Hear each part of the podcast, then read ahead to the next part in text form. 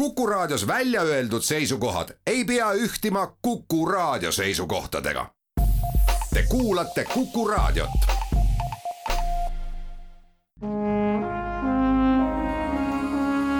Vanemuise veerand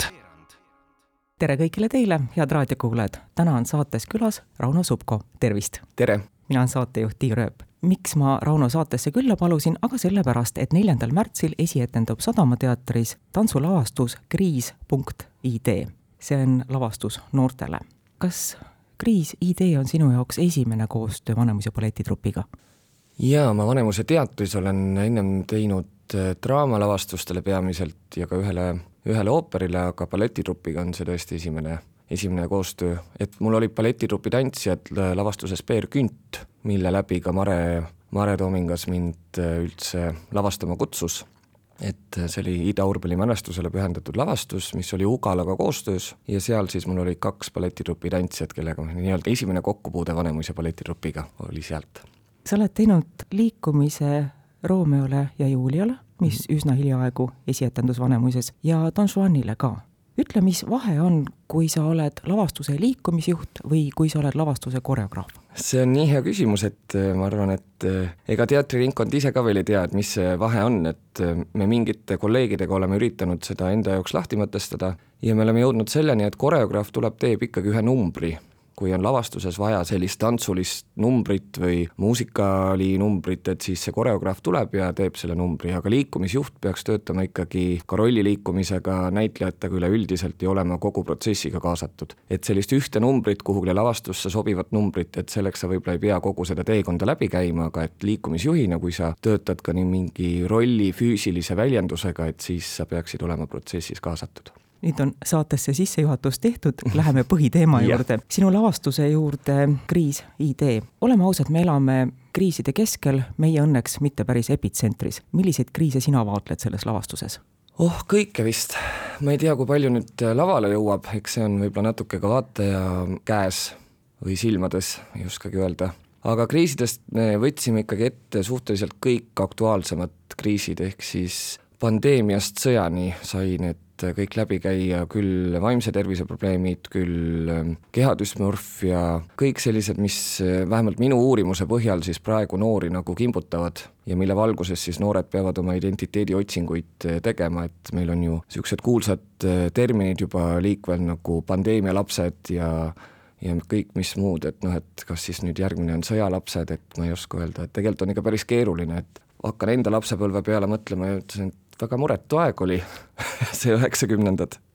kuigi üheksakümnendad ei olnud väga muretu aeg. ei, aga mulle kuidagi tundus see väga muretu ja ma ei tea, kas mu ema tegi siis nii head tööd, et mina nagu ei, kuidagi nende nagu suurte maailma küsimustega ei pidanud nagu äh, nagu maadlema, aga eks see ole ka tänapäeva sotsiaalmeedia ühiskond, et äh, noorel on kogu info kogu aeg kättesaadav, et mina müttasin seal metsa vahel mängida ja, ja ma ei teadnudki võib-olla, mis maailmas toimub. aga et just sellel infoajastul on ikka noorel päris keeruline, et see kogu maailma raskus on ka noorte õlgadel tehisintellekt on üks teema, millest praegu väga palju räägitakse, puudutad sa seda ka? jaa, see on meil ühes stseenis äh, väga tugevalt sees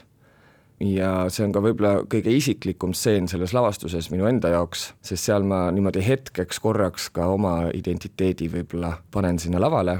aga siis lisaks sellele on meil ka avatarid, ehk siis selline arvuti loodud äh, pilt, minapilt, kuhu taha siis tänapäeval on ju võimalik oma päris mina peita, et et see on ka selline arvuti toel või tehnoloogia toel äh, see lavastus väga palju nagu tugineb lavastuse tutvustuses on kirjas, et tegemist on interaktiivse lavastusega, kas see tähendab seda, et pelglikum inimene ei pruugiks istuda esimesse ritta? oh, siin kui me enne raadiosaadet või enne saadet rääkisime, siis sa just rääkisid oma kogemusest, kus sulle väga ei antud seda valikut ja minul on ka neid kogemusi. ja ma teadsin, ma tahan teha interaktiivset lavastust, sellist, kus publik ikkagi saab ise valida, et kas ta osaleb selles nii-öelda interaktiivsuses või mitte ja see interaktiivsus on ka loodud niimoodi, et et kedagi esile ei tõsteta sealt publikust. et äh, see kogu interaktiivsus käib läbi telefoni, et see nutitelefon on tahes-tahtmata juba noortele käe külge kasvanud, et miks siis teda sinna taskusse panna või, või nuhelda, et ära nüüd telefoni näpi lavastuse ajal, meie lavastuse ajal võib telefoni näppida, võib pilte teha, võib postitada, kui on igav, scroll'i Facebooki, ole sina ise, kui on võimalus, siis äh, läbi siis meie loodud domeeni saab ka äh, mõjutada lavalolijaid, ehk toimub selline hääletus lavastuse ajal. Tuleme nüüd sinu lavastusmeeskonna juurde, ole hea, tutvusta. Minu lavastusmeeskond äh, peamiselt on, koosneb siis lisaks minule kolmest inimesest, Mikk Mait Kivi, kes äh, teeb nii video kui ähm, valguslahenduse, kuid lisaks ka siis äh, kogu selline interaktiivne lahendus on ka tema luua, et tal on selline päris korralik amps selles protsessis. lavakunstnik ja kostüümikunstnik on Kaia Tungal, kes üldiselt tegelikult tegeleb filmidega ja töötab pigem filmiproduktsiooni poole peal, aga aga kuidagi elu on meid kokku viinud ja siis see on juba teine selline suurem lavastusprotsess, kus ma teda kaasan, et äh, mulle väga meeldib äh, ta käekiri. ja kolmas inimene on äh, Joonas Kaarnemets, kelle artisti nimi on Jonas FK ja kuna Vanemuise poolt anti siis kaks kriteeriumit, et see peab olema noortele suunatud lavastus ja et seal peab olema ka muusik laval et siis ma vaatasin, et kes noori võiks kõnetada sellistest praegustest muusikutest ja kuna Joonase muusika mulle väga meeldib, siis kutsusin Joonase samasse paati. kes ei ole Joonase muusikat äh, kuulnud siiani, kuidas sa iseloomustaks seda? üks väga tore võrdlus oli, Joonase kohta on öeldud, et ta on nagu põhjamaine prints oma esinemislaadilt ja ka muusikalt, on see pädev? ma arvan küll, et see on pädev ja üldse Joonase muusikal on kuidagi võime sinna mingisugustele vanadele klassikutele koputada korra, et näiteks tal on lugu Rock n Rolla, kus äh, ma olin äh, noorena hästi suur The Doorsi fänn ja Jim Morrisoni fänn ja kuidagi see kitarrikäik seal, mille ta on loonud, see on nii lihtne ja geniaalne ja see kuidagi viis mind sinna The Doorsi juurde, samal ajal on see lugu ise ikkagi väga tänapäevane ja väga elektrooniline, et ta on kuidagi sellise väärt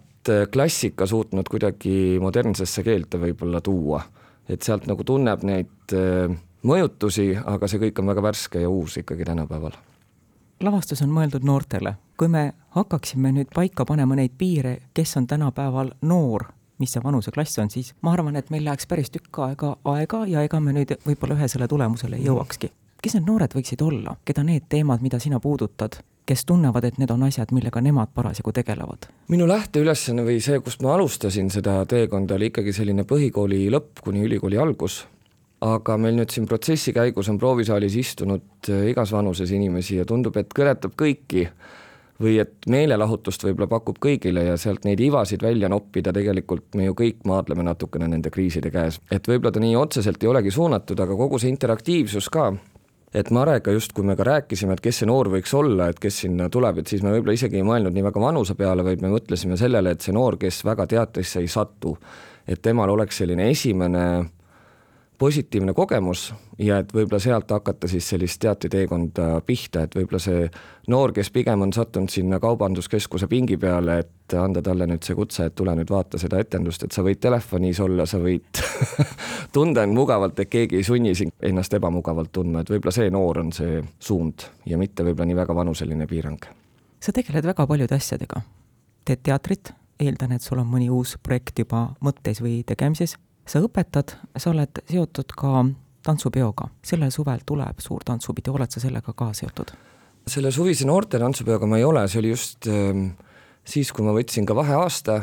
ja kuna ma ise lapsi ei õpeta, siis äh, lasteõpet või noh, selles noorte tantsupeoga ma seotud ei ole, aga küll käib juba aktiivne ettevalmistus äh, üldtantsupeoks kaks tuhat kakskümmend viis, et seal ma olen küll kaasatud liigijuhina. ja teatritööd tõesti õnneks jagub tui-tui-tui, et et praegu on ikkagi juba selle aasta sügise lõpuni on äh, graafik paigas, et mis projektid tulevad ja kuidas ja, ja lisaks veel õpetan, äh, et mul on oma rahvatantsuselts, mille kunstiline juht ma olen ja kaasaegset tantsu käin siis äh,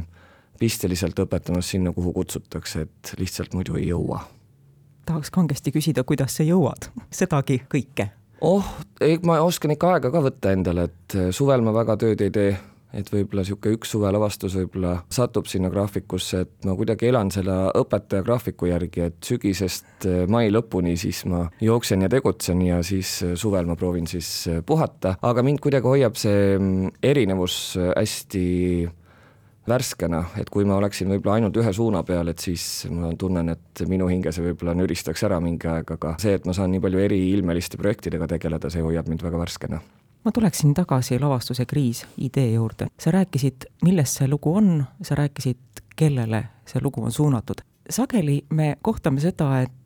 noorte inimeste vanematele tõlgitakse seda keelt, milles noored suhtlevad, sest ilma tõlketa vanemad inimesed ei saa aru, et mida üks või teine väljend tähendab. kas see võib olla, et kui noorte inimeste vanemad tulevad ka seda sinu lavastust vaatama, ka nemad võivad sattuda maailma, millest neil ei ole päris selget ettekujutust? Kindlasti, eks me natuke võib-olla, ma ei tea, kas nüüd šokeerime ka selles lavastuses, et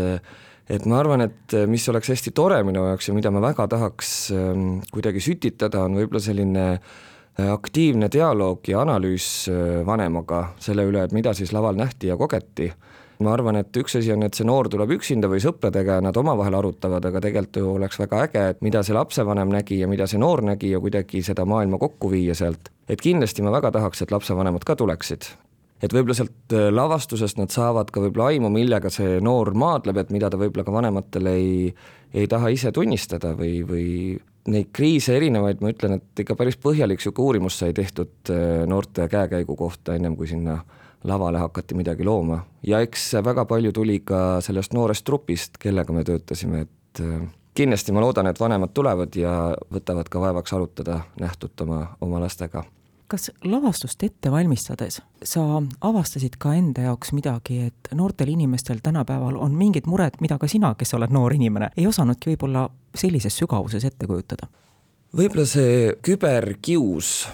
võib-olla see on mingi asi, mis noh, koolikiusu ikka näed või oled kogenud ka minu põlvkonna inimesed, aga see, et niisugune küberkius ja kui aktiivne ja julm see võib olla ja kuidas mõnes mõttes meie sotsiaalsüsteem või tugisüsteem on kuidagi kaitsetu või nõrk sellega tegelemisel, et üks asi on, et koolis võib-olla jah, õpetaja või direktor paneb paika olukorra või, või lahendab neid olukordi, aga, aga see küberkius on ikka päris selline, see on kindlasti mingi asi, millega nüüd riiklikul tasandil tuleb tööle hakata, et arvestades, kuidas meie noorte suitsiidid ka on kasvavas joones, arvud kasvavad, siis jah, see oli võib-olla mingi asi, mida ma ei arvanud, et see on nii suur probleem, aga see on ikka päris, päris päris suur koorem meie noorte kaelas. kas avastasid ka midagi väga helget meie noorte elus? jaa, minu jaoks hästi põnev ja mida me lavastusmeeskonnaga arutasime, on see, et mõelge, mis inimesed neist kasvavad, neil on nii palju informatsiooni, et kui ma enda nooruspõlve peale mõtlesin, issand, et kui mul oleks see info olnud sellel hetkel käes, mõelge, kus ma nüüd oleksin aga ei olnud. et selles mõttes mul on hästi põnev neid noori põlvkondi jälgida, kes just nagu selles infoajastu tipus nii-öelda nüüd kasvavad et äh, kõigepealt, kas nad jaksavad selle info ikka vastu võtta, aga et kuhu nad võib-olla pürgivad, et kui me võib-olla suunaks ka hariduses äh, seda nagu õigeti käsitlema, et siis mul on tunne, et meil tuleb selline geniaalne põlvkond või geniaalsed põlvkonnad sealt. Aitäh tantsulavastuse Kriis idee lavastaja ja koreograaf Rauno Supko meeldiva vestluse eest. saatejuht Tiiu Rööp tänab ka kõiki, kes meid kuulasid. kordame üle, tantsulavastus Kriis idee esietendub Sadama teatris sellel laupäeval, neljandal märtsil järgmine Vanemuise veerand on eetris nädala pärast. jälle kuulmiseni. Vanemuise veerand